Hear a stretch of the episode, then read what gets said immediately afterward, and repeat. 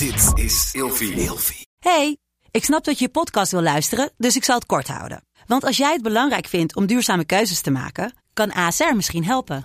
Nou hoor ik je denken, hoe dan?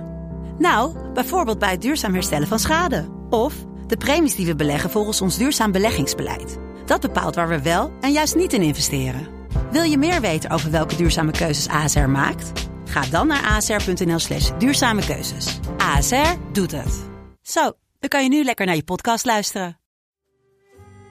Deze podcast wordt je aangeboden door bodyhouse.nl. Betaal nooit verzendkosten voor je dagelijkse dosis vitamines, voeding, supplementen, shakes, fatburners en pre-workouts op bodyhouse.nl.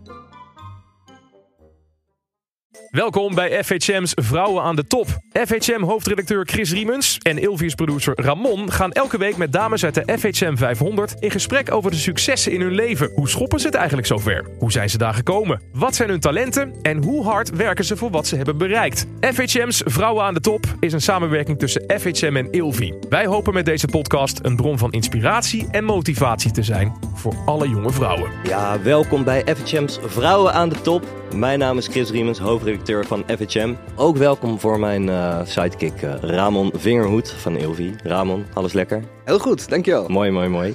Eh, ben jij er klaar voor, voor, eh, voor de gast van vandaag? Ik ben er helemaal klaar voor. Mooi, dan ga ik hem aankondigen. Ha. Want de voormalig VJ staat ongetwijfeld op het netvlies gebrand bij elke 90s kid die TMF keek. Daarna volgden talloze tv-programma's en schitterde ze in 2013 bovendien op, een, op niet één, maar twee FHM covers.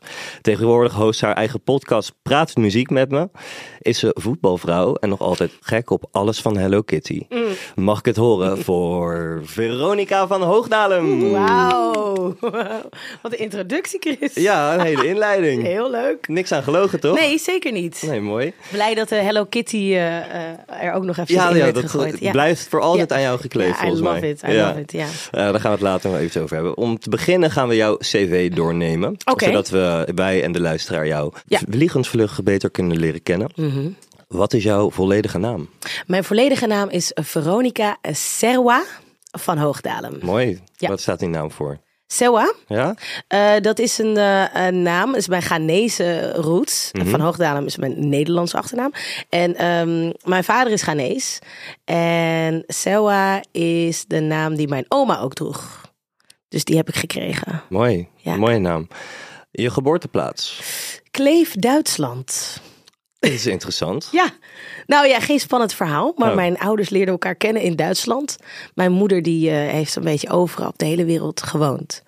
En ehm, besloot om te bevallen vlak over de grens bij Nijmegen. Maar die hebt er geen, eh, geen minuut gewoond. Nee.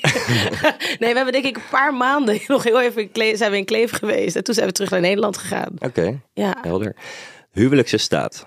Ehm, very much in love. Mooi, mooi omschreven.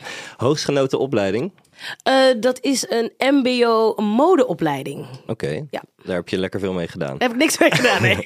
Nou, zij heeft voor, mij een, eh, iets met, even met, met, wat was het ook weer? H&M? Eh, ja, oh, ja, dat is Toch? waar. Oh, wat scherp. Ja. Ja, oké. Ja, oké. Ze heeft er verstand van, hoor. Ja.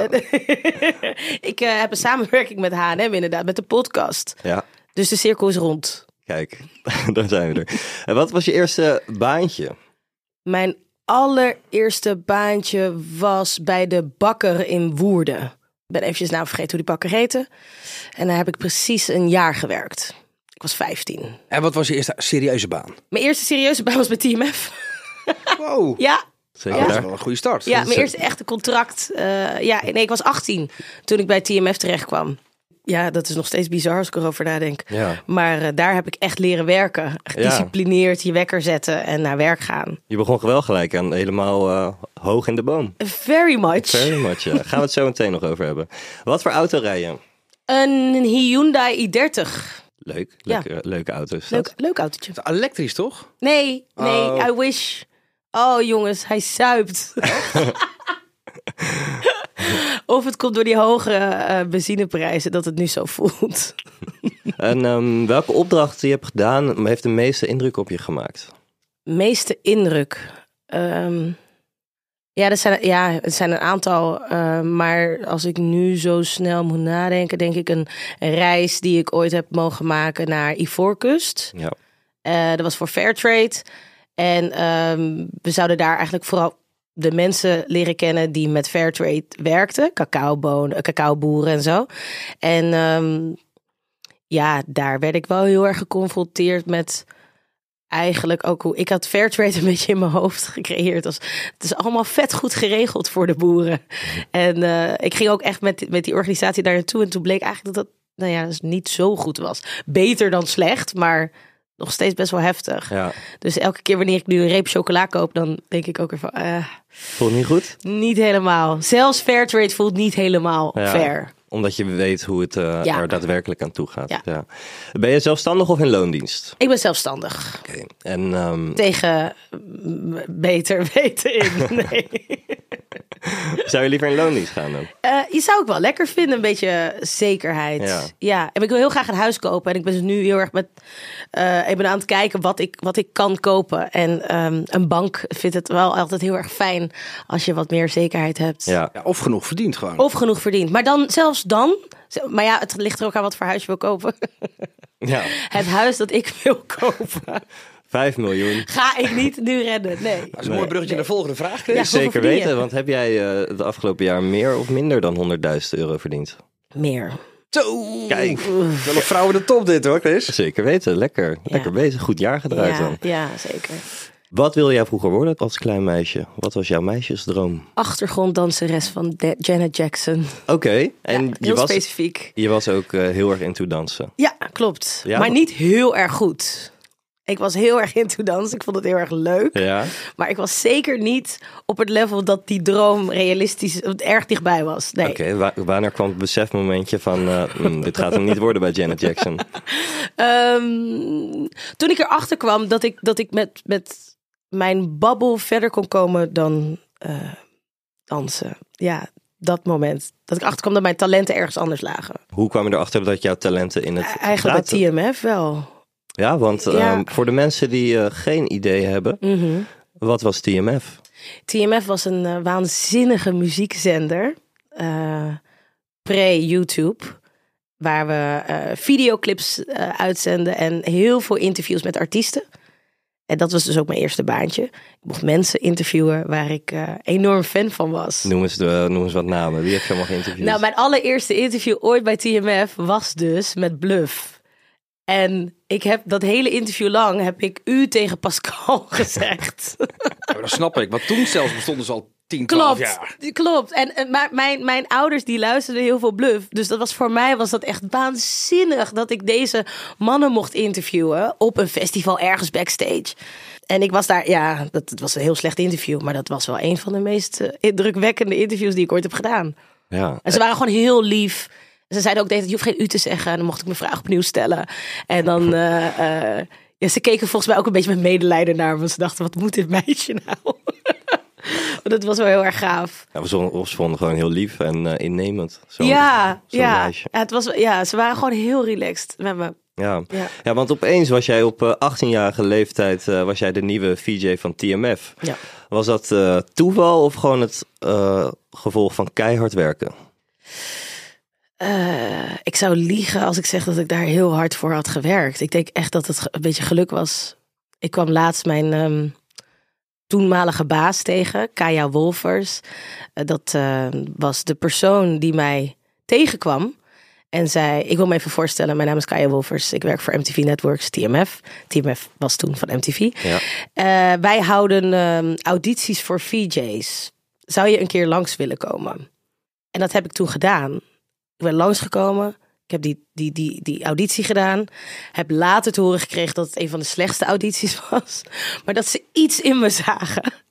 En eh, toen hebben ze me een kans gegeven. Heb ik een half jaar contract gekregen. Mocht ik een half jaar lang, als ik wel naar hun zou luisteren, ehm, mocht ik daar werken.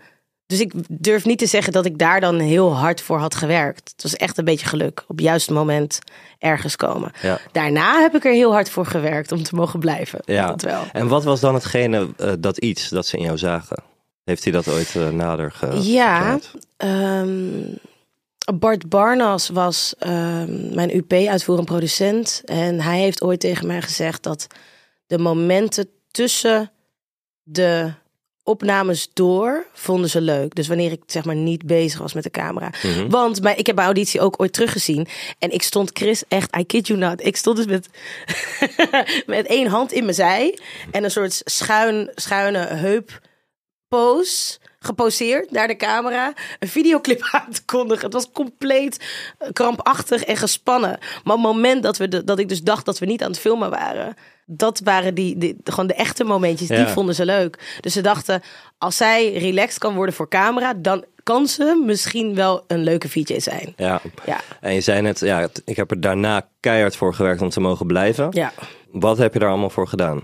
Kun je uitleggen hoe hard je ervoor hebt gewerkt? Ja, nou, dat, dat in principe gewoon een hele goede werknemer zijn. Want je werkt voor een bedrijf. Dus Mhm. het is gewoon op tijd, weet je, op tijd aankomen. Je, bij mij was het, eh, ik, ik moest mijn interviews voorbereiden. Dus verdiepen in wat, wat is überhaupt interviewen.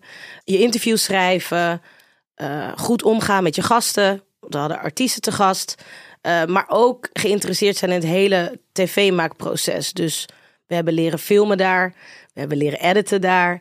En als jij geïnteresseerd was en, en echt leergierig, dan vonden ze het fijn om met je te werken. Maar als jij er met de pet naar gooide en altijd te laat kwam, ja, dan nemen ze ook heel snel afscheid van je. Ja, daar begint het eigenlijk mee. Toch Ja. gewoon discipline. ja, gewoon een goede werknemer zijn. Ja. Ja. Maar het was niet altijd makkelijk, hè, moet ik wel erbij zeggen. Want wat ik zei, dit was mijn eerste baantje. Ik was 18. Al mijn vrienden studeerden. En iedereen had leuke feestjes. En, en, en, en wij ook, hè, eh, met, met VJ zijn. Ehm, maar ik moest wel altijd de volgende dag om half negen, negen uur op kantoor zijn.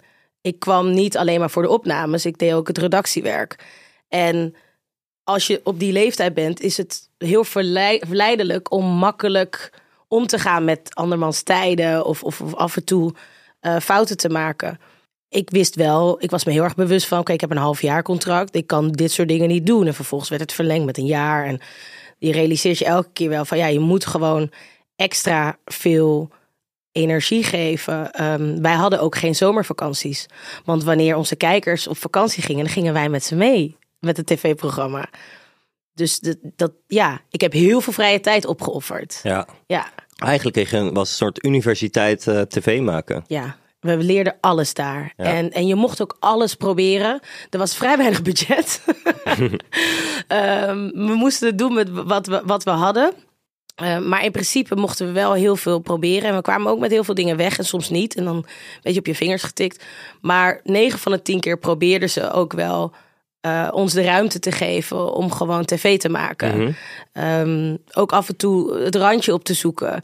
Eh, ik herinner me een collega die eh, op een gegeven moment een graffiti-item ging maken. En ja, dan moet je dus graffiti spuiten. Je kan niet een item maken daarover. En dat, maar dat werd dan wel op plekken gedaan waar dat niet echt werd gewaardeerd door de politie. Dus ik herinner me wel een cameraman die op een gegeven moment opgepakt was. Ehm, maar daar werd dan niet heel erg moeilijk over gedaan vanuit MTV. Dan zeiden ze, ja, hey, ik hoop dat het item goed is. Dus Ja. dat, dat, stond, eh, dat werd belangrijker gevonden dan Ja. eventuele problemen. ja, ja, zeker wel. Hey, je noemde net al Bluff, eh, maar je hebt drie jaar lang bij TMF gewerkt. Elke dag tv maken. Wat voor artiesten heb je nog meer gesproken? Ja, wie niet? Ja, wie niet? Ehm, mijn allereerste internationale gast was Nio. ja, Dat was toen echt een mega grote. Juist. je hebt bijna dezelfde stem, Chris. nou ja, het scheelt weinig. Ja. Ik dacht, ik moest even met mijn ogen knipperen. Ik denk, zit hij nou naast me? Was Nio van de Pleister? Of was Nio- dat Asher? nee, dat was eh, Nelly. Oh, Nelly, ja. Ja, nee, Nio was die, die had altijd van die pakken en zo aan. Dat is een Ja. R&B-artiest en hij was heel, echt heel slick en smooth en gladjes. Ja. Ehm, Katy Perry. Ja? Ja, heb ik op een berg in Oostenrijk tijdens haar eh, soort van skivakantie met haar familie mocht ik haar interviewen. Ehm, ja, jeetje. Een soort, soort van leg waar de koningin dan met de familie gaat. Zo, Dat. zo mocht jij op audiëntie bij Juist, Katy dat Perry. was het. Wat echt heel tof was en tegelijkertijd heel awkward. Ik heb die fragmenten nog en aan het einde wil ze mijn hand schudden. Maar ik ben zo hysterisch en druk en zenuwachtig dat ik afsluit op camera en haar hand compleet negeer. Dus het is een heel naar einde. Lekker. Ja. Gewoon helemaal... eh, Ja, gewoon, zij probeert me echt de hand te schudden en ik draai net weg op dat moment. Oké. Ja, Goed verhaal, lekker. kan gebeuren. Kan Ja. gebeuren. Maar dan zat je bij TMF, als ik vragen mag. Hè? Ja. Maar heb je nou het idee dat je daar zat vanwege je talenten of vanwege je mooie gezicht? Ik mag hopen vanwege mijn talenten. Maar er zijn heel veel mensen die denken, ja, maar jij bent knap, dus het is makkelijk, dus jij krijgt een baantje op tv. Ja, nou, ik denk, dat, ik denk eerder dat mijn leeftijd gewoon heel erg meespeelde. Ik denk dat als ik 25 was geweest, dat ik niet zo snel was aangenomen. Maar omdat ik zo jong en bleu. Ja, maar dat was, TMF was, was kijk, ehm, ik heb het gevoel dat wij wel allemaal, of door onze brutaliteit, of door onze ehm, ja, charmes, misschien wel werden aangenomen. Eh, maar we, we werden ook wel echt gepusht om die persoon te zijn. Dus er werd een soort, ja, je was een bepaald soort typetje en dat probeerden ze te vergroten. Ehm, dus er zaten wel een paar seksbommen tussen. En dat werd dan af en toe vergroot. Maar ik denk niet dat ik die sek- seksbom was. Maar je moet toch echt intelligent zijn, Ja, slim, ja, snel. ja, ja, ja, zeker. Maar dat, dat, werd je wel dat werd je geleerd. Dus als je dat nog niet kon, dan, dan deden ze wel hun best om jou eh, in ieder geval gevat genoeg te krijgen. Of, en dat heeft allemaal met vlieguren te maken. Want Ja. als jij elke dag live shows doet, op een gegeven moment leer je dat en je gaat er gewoon, je gaat er keihard in. Het is heel vet hoor. Ja, maar er stond ook natuurlijk wel druk op om te presteren. Ja. Hoe ging jij om met die druk? Ik heb die druk eigenlijk niet heel erg ervaren. Omdat je ook gewoon jong en onbevangen was? Ja, ik had echt geen idee, joh. Ik had echt geen idee wat we aan het doen waren. En pas veel later realiseerde ik me ook hoe groot het was. Mhm. Want je zit zo in het moment en, en, en je gaat maar door. En, en eh, mijn moeder die, die zegt het ook altijd. Die zegt, wat jij toen deed, dat was zo van het ene hoogtepunt naar het andere hoogtepunt gaan... dat je het nooit de tijd had om het te verwerken. Dus pas veel later dacht ik, wow, wat heb ik allemaal meegemaakt. Wat vet. En, en, en hoe cool. En, ehm, maar ook hoe andere mensen het ervaren. Ik heb dat allemaal pas veel later begrepen. Dat er zoveel mensen waren die keken. Ja, pas later kwam het besef. Want Ja. je werd inderdaad in één klap werd je bekend bij eh, nationale bekendheid. Ja.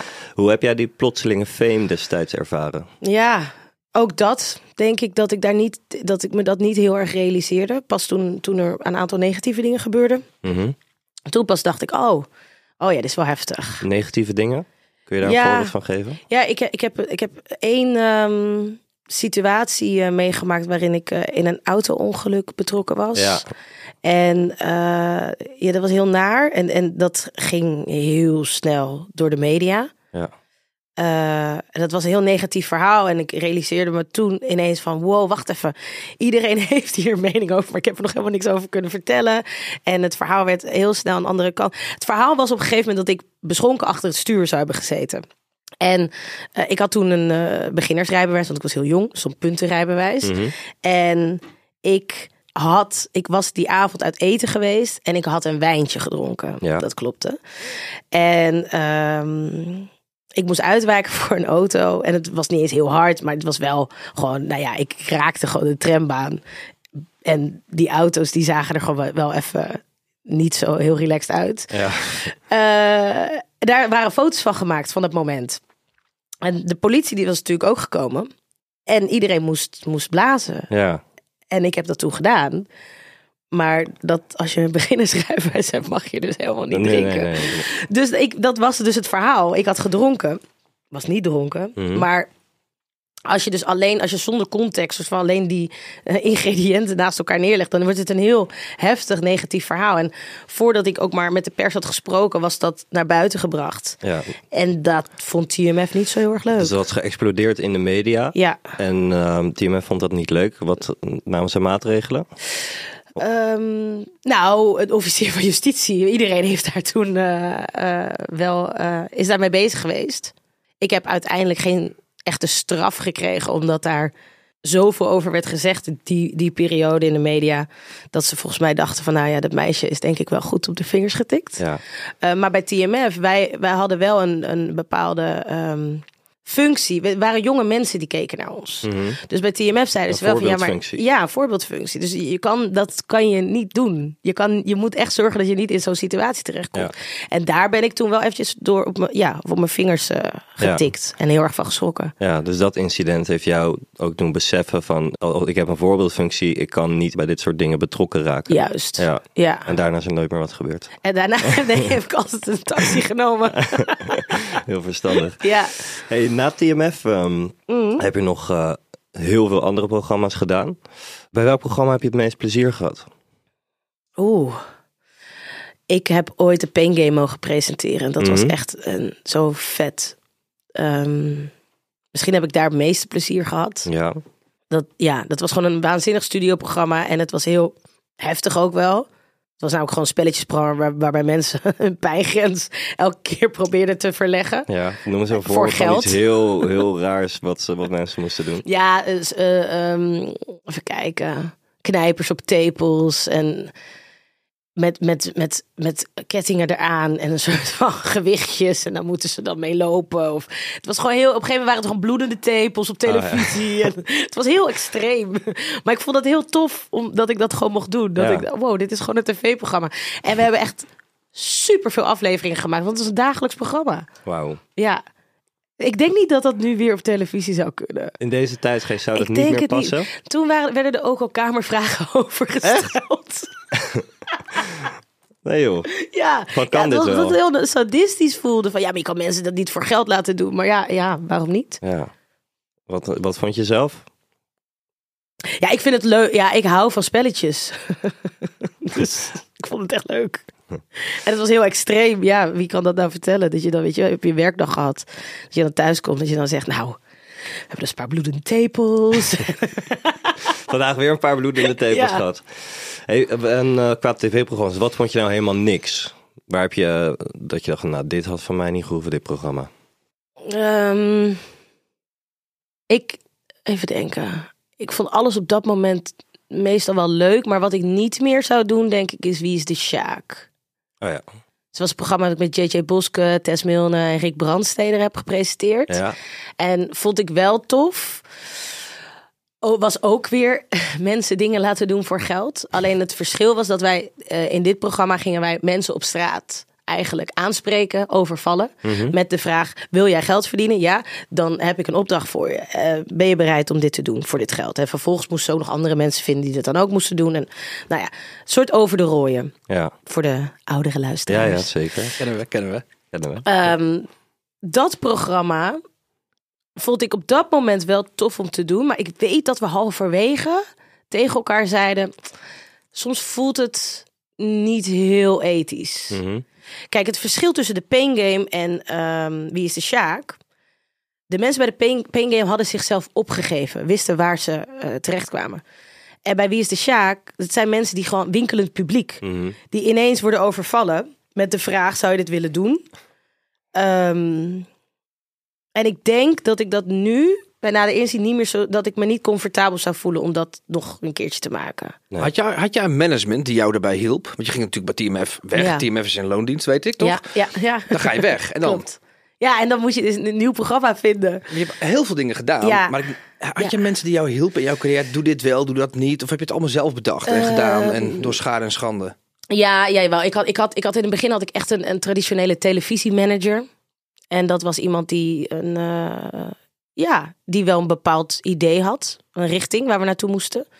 Maar halverwege, ik, ik, wat ik zei, ik ben heel jong begonnen. Ik wist ook niet zo goed wat ik wilde. Ik wist niet zo goed wat bij me paste. En dus moesten we inderdaad wel ook gewoon dingen proberen. En erachter komen van, oké, is dit het? Is dit, past dit bij het profiel? Zoals, zoals je dat dan heel goed eh, eh, ziet. Eh, past dit bij het profiel van Veronica? Is dit een programma wat past? En omdat ik altijd wel een beetje dat brutale meisje ben geweest, is het heel makkelijk om bru- een soort van brutale programma's te vinden die daar dan bij passen. Zoals de Pain Game. En... Zoals de Pain Game en zo. Ja, en ik was toen 23. Dat was top. Maar ik zou nu ook niet meer een Pain Game kunnen of willen presenteren. Want het past niet meer bij wie ik ben. Mhm. Maar ja, So You Think You Can Dance. eh, Serieus programma. Ja, en ook dat muziekhaakje vond ik heel tof. Dus, eh, want dat is waar ik uiteindelijk achter ben gekomen. Muziek, TMF, muziek, So You Think You Can Dance gedaan. Heel tof, muziek, talent. Dat past meer, denk ik, beter bij mij dan, ja, dan alle brutale programma's die we presenteerden. Heb je Ja. het altijd gedaan met manager? Dat is een beetje mijn vraag. Heb je altijd gedaan? Of, of heb je ook Ja. zonder manager gewerkt? Ja, heel kort zonder manager. En wat is dan maar je advies? Altijd. Oeh, Want mensen zeggen altijd, ja, managers die romen geld af, verdienen veel te geld, hebben veel te veel geld aan mij. Ja. die naaien me. Mm. Is dat zo? nee, ik heb, ik heb nooit, nee, ik heb nooit het gevoel. Ik heb, ja, Ja. ik ben niet echt het type die je snel iets kan laten doen waar ze niet achter staat. Dus ik meestal doe ik wel iets waar wat ik wat ik tof vind of waar ik nieuwsgierig naar ben. Maar het ligt er een beetje aan. Ja, oké. Ja, laat ik het zo zeggen. Een manager hebben is denk ik heel erg goed. Maar dat, je moet wel een hele goede band hebben met die manager. In het begin had ik een manager die mij echt moest beschermen. Maar later, toen ik wat ouder werd, was het goed voor mij om te stoppen met die manager. Al is het alleen maar omdat ik gewoon volwassen moest worden. Mhm. En dan ga je op een gegeven moment op zoek weer naar iemand die eh, met jou werkt. Ja. Ja, Heb, ja, heb je nu een manager? ja. Een hele leuke. Pien heet ze. Pien is een schat. Fijn. Ja. Hey, is de tv-wereld, wat is dat voor wereld eigenlijk om in te werken? Een hele ehm, opportunistische wereld. Een, ehm, een redelijk oppervlakkige wereld. Het gaat om kijkcijfers, Mhm. scoren. Ehm, maar soms ook een hele creatieve en bijzondere wereld. Soms, zeg Soms, ja, soms, ja. Heel eerlijk, we hebben best wel vaak in Nederland programma's die eh, ongelooflijk gekopieerd zijn en compleet echt, nou ja, totaal niet creatief zijn. En daar wordt dan ook wel mee gescoord en dat vind ik soms jammer, want dat zorgt er dan ook voor dat de makers niet per se nog creatiever hoeven te zijn. Want als het publiek het leuk vindt, weet je, dat is het een beetje. Volgens mij is alles wat ehm, maar scoort, dat, dat is al goed genoeg. Ja, dus in je ogen draait het vooral om de cijfers? Ja, Ja. ja, is het een leuke wereld om in te werken? soms wel. Oké, leg eh, wanneer niet? eh, dat, dat cijfersding, dat wanneer iets draait om de cijfers, dat kan soms ten koste gaan van een bepaalde van een sfeer of van, eh, wat ik al zei, creativiteit. En ik vind dat minder leuk. Ik vind het leuk om iets te maken wat anders is. Of om een keer een risico te nemen. Dat hoeft dan niet altijd. Dat, ja, soms scoort dat niet. Maar ik vind dat wel leuk. Eh, wat ik zei, zo- zo'n pain game is, heel, is best wel intens, zo'n programma. En eh, ik kan me ook heel goed voorstellen dat dat een programma is waarvan de helft van de kijkers van Nederland zegt: Nou, dat is walgelijke televisie en dit doen we niet. En die andere helft vindt dat heel tof. En Ehm, dat heeft dus met smaak te maken, maar ook met dat randje opzoeken. En ik vind het wel tof om te kijken van waar ligt die grens dan? En daar een beetje rekening mee te houden. Want je maakt, vind ik wel, ook tv voor het publiek. Ja. Maar je moet ook iets maken waarvan je zelf het gevoel hebt dat het een uitdaging is. En de Pain Game was, was wel een... ehm, de inspiratie kwam uit Japan. Japanse gameshows zijn insane. Die zijn weird, ja. Ja. en we dachten wel, ja, dat is wel vet als je ook zoiets in Nederland kan maken. Eh, ja, ja, dat. Alright. Hey, even, eh, ik kijk even links van me. Daar zie ik een hele mooie eh, cover staan. Ja. Ja, jij stond op de cover van FHM in 2013. Aha. Hoe kijk je terug op die shoot? Ik vond dit zo spannend. Ja? Oh. Ik weet nog dat ik had gevraagd of mijn visagiste dan mee mocht komen. Mocht, ook- mocht wel, toch? Ja, dat mocht. Oh, ja, ja. Ik was ook heel onzeker over mijn haar. Want ik, ik, ik, de shoots die ik daarvoor had gedaan. Hoe oud was ik hier? 24 of zo, ja. Alle, ik had niet zo heel veel shoots gedaan. Dus ik had ook niet heel veel ervaring. Maar die paar shoots die ik had gedaan, daar had ik dus heel vaak ehm, kwam ik dan en dan was de styling raar. Of vond ik het niet bij mezelf passen. En, eh, of dan vond ik mijn haar kut. En, en toen ineens werd ik gevraagd voor de FHM om een cover te doen. Jullie hadden niet verteld dat er twee covers waren. hè? Mhm. Ja, Dus voor, dacht- even voor de luisteraars. Ja. Het is een hot en cold edition met... eh één, één kant is hot en die andere kant is een andere foto. En is dan de cold edition. Ja. En dan was het helft-helft. Op de helft van, de, van het blad Ja. werd geswitcht. Ja. Ja. heel vet. Echt heel vet. Ja. Ik ben ook blij dat jullie dat niet van tevoren hadden verteld. Want anders was ik misschien nog zenuwachtiger geweest. Maar ja, dan ga je een FHM-shoot doen. En dat is wel gewoon zo'n zo'n zo'n mijlpaal.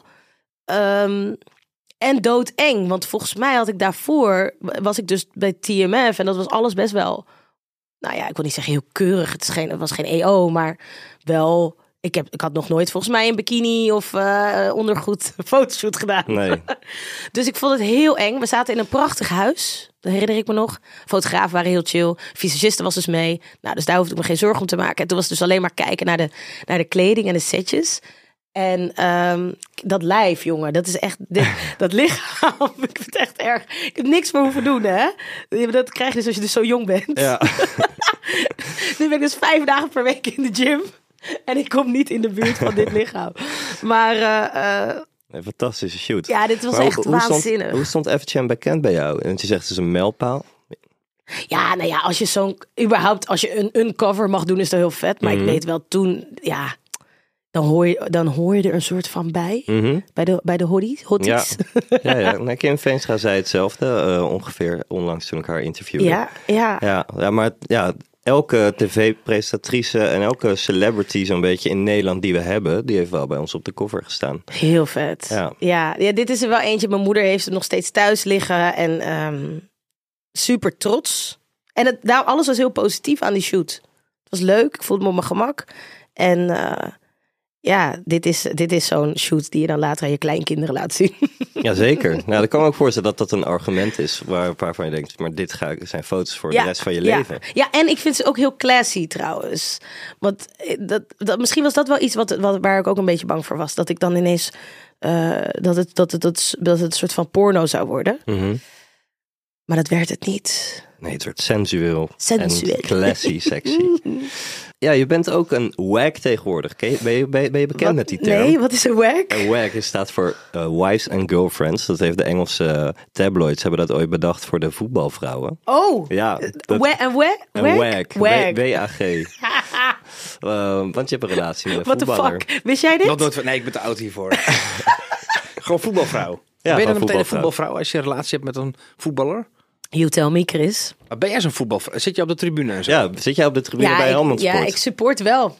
Ja, ik support wel met mijn broodje kroket op de tribune. Ja, dan, Ja. dan heb je dat lichaam, hè? En dan, ja, precies. Dan zijn er vijf dagen per ja, week in de sportschool. voor. Ik laat mijn trainer het niet horen. ja, ik doe toch iets fout. Ja. Nee, ja, ik, ja, tuurlijk. Ik support hem. Ik Ja. zie hem graag voetballen. Ja, En ehm, je, dus dan ben, dan ben je een voetbalvrouw. ja. Ik vind dat hij meer een prestatrice man is. Hij heeft ja. hij is mijn man. Nou, dat, ja. ja, jij bent de Ben ik trophy zijn, wife. ben is ik zijn zo, vrouw of is hij mijn tro- Hij is ik mijn trophy, toch? Wie verdient het meeste geld? Wie is het meest eh, populair? Wie is het meest bekend? Ik denk dat jij Ik- bekender bent dan hij. Ja. Ja, Ik, eh, dus daarom, dan hij is mijn man. Vind ik het ook wel andersom inderdaad.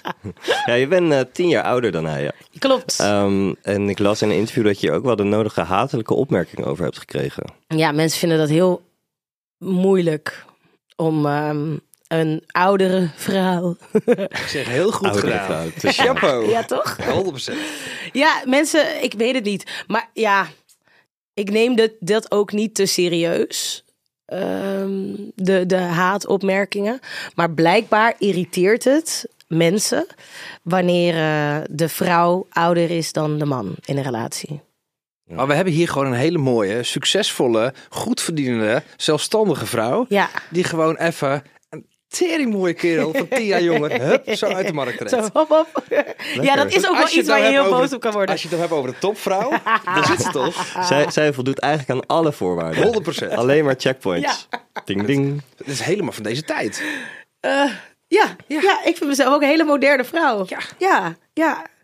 Ja, nice. Zo had je er nog niet naar gekeken. Nee, nee, nee, zeker niet. Helemaal trots. Een van de dingen waar je ook mee bezig bent is je podcast. Praat muziek met me. Leuk. Ehm, hoe gaat het ermee? Ja, het gaat goed. Ja? Ik hou van podcasting. Podcasting. Wat, waarom vind je het zo'n mooi medium? Nou, ik heb audio altijd al tof gevonden. Ik wilde eigenlijk heel graag radio maken, maar niemand wilde me hebben. is no joke. Ik heb echt zelfs vorig jaar nog auditie gedaan en, en ideeën gedeeld. En eh, nee man, niemand wil het. Maar podcast is een beetje radio maken, toch? Voelt Het voelt als radio maken. Misschien vind ik het zelfs toffer. Omdat we dus eh, gelimiteerd kunnen kletsen. We zien later wel in de edit of we, of we er iets aan doen of niet. En, en, en mensen kiezen er ook voor om op dat moment te gaan luisteren. Dat vind ik heel erg leuk. En het is een, iets groeiends. We zijn in Nederland nog aan het groeien. De podcastmarkt is, eh, is nog heel jong hier. En ik vind het heel tof om te zien waar het naartoe kan gaan. Dus ik ben, ik ben graag een onderdeel van deze community. Ja. Ik vergelijk het wel een beetje als YouTube. Weet je, we keken allemaal televisie, toen kwam YouTube. Toen Ja. gingen we eigenlijk allemaal zelf bepalen wanneer we iets gaan kijken. Ja. We luisteren allemaal radio en nu komt, wordt podcasting heel interessant. Kun je op alle platformen kunnen luisteren en je gaat zelf bepalen wanneer kun je wat beluisteren. Ja, En Spotify is nu ook al met playlists aan het komen dat je gewoon eigenlijk je favoriete podcast en je favoriete muziek worden algoritmisch afgewisseld. dat is toch heerlijk? Fantastisch, een soort radio on demand. Ja. Ja. maar en je kan je eigen stijl bepalen. Dat vind ik heel erg leuk. Want radio heeft toch wel, zeker in Nederland, Nederlandse radio, bijna allemaal dezelfde stijl. Mhm. En het, ik vind het eh, één pot nat. We hebben straks ook zo'n eh, welkom bij... Ja, dat. Oké, andere intro. Misschien moet je hem fluisterend doen. Heel zwoel. Hi, Hey. hi. Ja, maar we willen een beetje van het imago wegblijven. Ja. Het sexy imago. Oh ja, ja precies. Hou, maar ja, je wilt hem niet heigerig. eh, Nee, nee, oké. Absoluut niet. FHM is eh, trots op eh, dat haar vrouwen aan de top staan. Ja, Daar hebben we het over. Ze moeten niet sexy zijn, niet nee, nee, nee, Nee. dat is misschien een beetje te schreeuwen het van de daken. Dat is the way. Hey, wat zit er nog voor jou in de pijplijn de komende tijd? Er komt een waanzinnig programma. Misschien is de eerste aflevering al op televisie geweest wanneer Ja. deze podcast online komt. Ja. En het programma heet Podium Zwart. En het is een muziekprogramma. ehm, wat ik samen met Glenn Varia presenteer. Leuk. Iedere vrijdagavond, zoals het nu naar uitziet, rond ik veel, kwart voor elf, kwart over elf. Ja, je moet maar even kijken. Ja. Terugkijken, hè? Demand. Of lekker terugkijken, dat kan gewoon. Eh, bij NPO 3. En wij eh, maken dit programma ehm, met ehm, iedere week nieuwe gasten. Ehm, vaak muzie hele muzikale gasten. En die gaan ook eh, optreden voor ons. En we hebben een, we hebben een klein studiootje met allemaal publiek. En eh, iedere week komt er ook een ehm, gast spoken word doen. Die dat normaliter niet doet. Dus het is een bekende Nederlander die eh, ons verrast met een stukje spoken word. En voor de rest is muziek. We rammen er super veel talent doorheen. In een hele korte tijd. En we proberen televisieregels te doorbreken. Door minstens één optreden minimaal 12 minuten lang gewoon uit te zenden. Zonder dat we daar een gesprek eh, tussendoor hebben of wat dan ook. Het is gewoon. We doen 12 het. minuten muziek achter Ja, elkaar. ja. Dus zeg maar niet Het dat. tegenovergestelde van de wereld draait door. Juist. Ja. we zeiden we gaan het anders doen. En we gaan zien of het werkt of niet. Ik krijg een beetje het gevoel van TMF, 101 Bars en Ja. eh voor niks. Ja, alles door elkaar. Ja, en een beetje top of the pops. Oh ja. Ja, die kennen de luisteraars ook niet. Nee, Jij wel. Jij Zeker wel. Ja. denk ik. Ik weet het nog niet. Ik heb straks de eerste viewing van de eerste aflevering. Oké, dus spannend, spannend. zien. Heel En vet. Wat voor artiesten komen er eh, langs? Eh, van alles. We hebben een eh, hele toffe R&B-zanger, Joshua J. We hebben Numidia, Marokkaanse zangeres. Heel vet. Die echt, nou, die- haar stem is, dat is ongelooflijk. Mhm. Ehm, Lionstorm, een queer ehm rap duo. Ook een beetje punkerig. Ja. Ehm, ja, we hebben van alles. Veel, veel opkomend jong talent. Opkomend jong talent of een beetje onderschat talent. Mhm. Dus mensen die al wel op Lowland staan, maar van het gros nog niet weet dat Ja. ze bestaan. En ehm, ik hoop dat we na de zomer dit wekelijks kunnen maken. Vet. Dus een beetje de artiesten vanuit de underground scene Ja, een eh, sp- spotlight geven. podium zwart. Nice. Jij snapt het. Vet. Ja, leuk. Hey, ehm, wat zie jij als, eh, nou, als hoogtepunt uit je carrière? Want je- Ja, we- Dat is nou, natuurlijk Ramon de FHM-cover. Ja, dat, la- dat, is staat buiten zo. kijf. Echt waar? Nee. Nee, nee, ja, maar hoogtepunt. Ik denk dat het hoogtepunt nog moet komen. Is dat, is dat een afgezaagde rotantwoord? Zeker, zeker. Daar denk ik geen genoeg mee. Ja. Nee, maar bijvoorbeeld Expeditie Robinson heb je ermee gedaan, toch? Of heb je Ja, dat was echt geen hoogtepunt. Nee. het- Oh, heerlijk. Oh, Zo- dat maar was zo- Kijk, als je dit nou zegt in televisielandschap, word je nooit meer gevraagd. Klopt. Ja, dat is Maar echt dat is wel eerlijk. Nee, ik vond het echt kut. Ja, ik vond het echt kut. Ik heb ook echt twee jaar niet kunnen kijken. Door mijn deelname. maar ik was ook niet goed, hè. Dus dat heeft ook, dat heeft ook met mijn ego te maken. Eh, Was je als ik heel goed... Ja, ik was heel teleurgesteld in mezelf en in de ervaring. En, eh, heel erg emotioneel. Maar jij bent dus nog heel hard aan het werken eigenlijk. Om te kunnen zeggen, Ja, mijn grootste droom. Ik heb het afgelopen jaar gezegd: ik wil een muziekprogramma op tv. En ik kan niet geloven dat het nu gaat komen. Dus misschien dat dit wel het, mijn hoogtepunt gaat zijn. Dat weet ik niet. Ja. Dat eh, heeft ook te maken met hoe het ontvangen gaat worden. Mhm. Cijfers. Ja, cijfers, maar vooral de. ehm, ik, ik verwacht niet dat dit, een, dat dit echt een kijkcijferkanon Nee. gaat worden. Maar eh, het, het is een beetje hoe mensen het ervaren. Dus ik ben heel erg benieuwd. De reacties. Ja, de reacties. En begrijpen mensen het? En vinden ze het, eh, ja, vinden ze het belangrijk dat dit programma er is? Mhm. Weet je wel, dat? Dus als daar eh, heel veel liefde ineens eh, liefdevolle reacties komen, dan, dan ben ik wel gelukkig. Ja. En dan kan het een hoogtepunt zijn. Als ik echt moet kiezen, is het TMF. Ja? Ja, ja. Daar ben je het meest trots op. Het is een waanzinnig begin. Dat slaat nergens op. Als, je, als dat je allereerste baan is. Ja, zeker wel een kickstart. Ja, Ja. Hey, tot slot, wat is het eh, beste advies dat jij ooit hebt gekregen? Ga naar een therapeut. Ja? Leg uit. Wanneer eh, had jij er een nodig en hoe kwam het zo? Een paar jaar geleden. Eh, ik denk trouwens dat iedereen een therapeut Een nodig fysiotherapeut. heeft. Ja. een, eh, eh, een psychotherapeut. Mhm. Ja, ik, ik denk dat iedereen een therapeut zou moeten hebben. Of het nou goed met je gaat of niet. Omdat het niet uitmaakt. Je moet, je, nee, laat ik zo zeggen, je moet dingen verwerken en analyseren. Als je een beter mens wil worden. En wanneer je denkt dat je er geen nodig hebt, heb je er he- helemaal eentje nodig. Voor mij was dat een paar jaar geleden. Ik eh, eh, kreeg paniekaanvallen. Dus dat, dan weet je dat er echt iets niet goed is. Ja. En ehm, heb daar nog best wel een tijd mee gelopen. Voordat op een gegeven moment iemand tegen me zei: Joh, waarom praat je niet een keer met iemand? En ik heb dat gedaan. En dat was bevrijdend en tof en confronterend. En alles tegelijkertijd. Maar ik ben zo gegroeid en zo volwassen geworden dankzij die sessies. Dat ik nu eh, dat ook tegen iedereen zeg. Ga alsjeblieft een keer met iemand praten. Ja, en doe je het nu nog steeds? Eh, praat je nog steeds regelmatig met die ja, persoon? als, als een soort ehm, onderhoudsbeurt. Dus ik probeer wel af en toe inderdaad nog een keer een sessie in te plannen. En dat werkt wel. En je denkt altijd dat het goed met je gaat. En eh, ehm, zeker mensen die gewoon door, altijd doorgaan. En ik denk dat het dan extra goed is om af en toe even te stoppen. En gewoon even naar je, kritisch naar je leven te Ja. kijken. Naar je eigen gedrag. Dus ook met mensen die eh, denken het gaat goed met me, er is niks aan de hand, zou je aanraden, ga, gewoon een keer praten. Ja, is goed. Ja. Dat is, het werkt echt. Het kan, het, het kan in ieder geval geen kwaad. Met die eh, wijze woorden zou ik graag eh, willen afsluiten. Dankjewel Chris, ik vond het gezellig. Ik vond het ook heel gezellig. Onwijs bedankt voor je komst. Was eh, ontzettend leuk en mooie verhalen en een mooi wijs advies tot slot. Ehm, hopelijk tot snel weer. Heel graag. Lijkt me heel gezellig.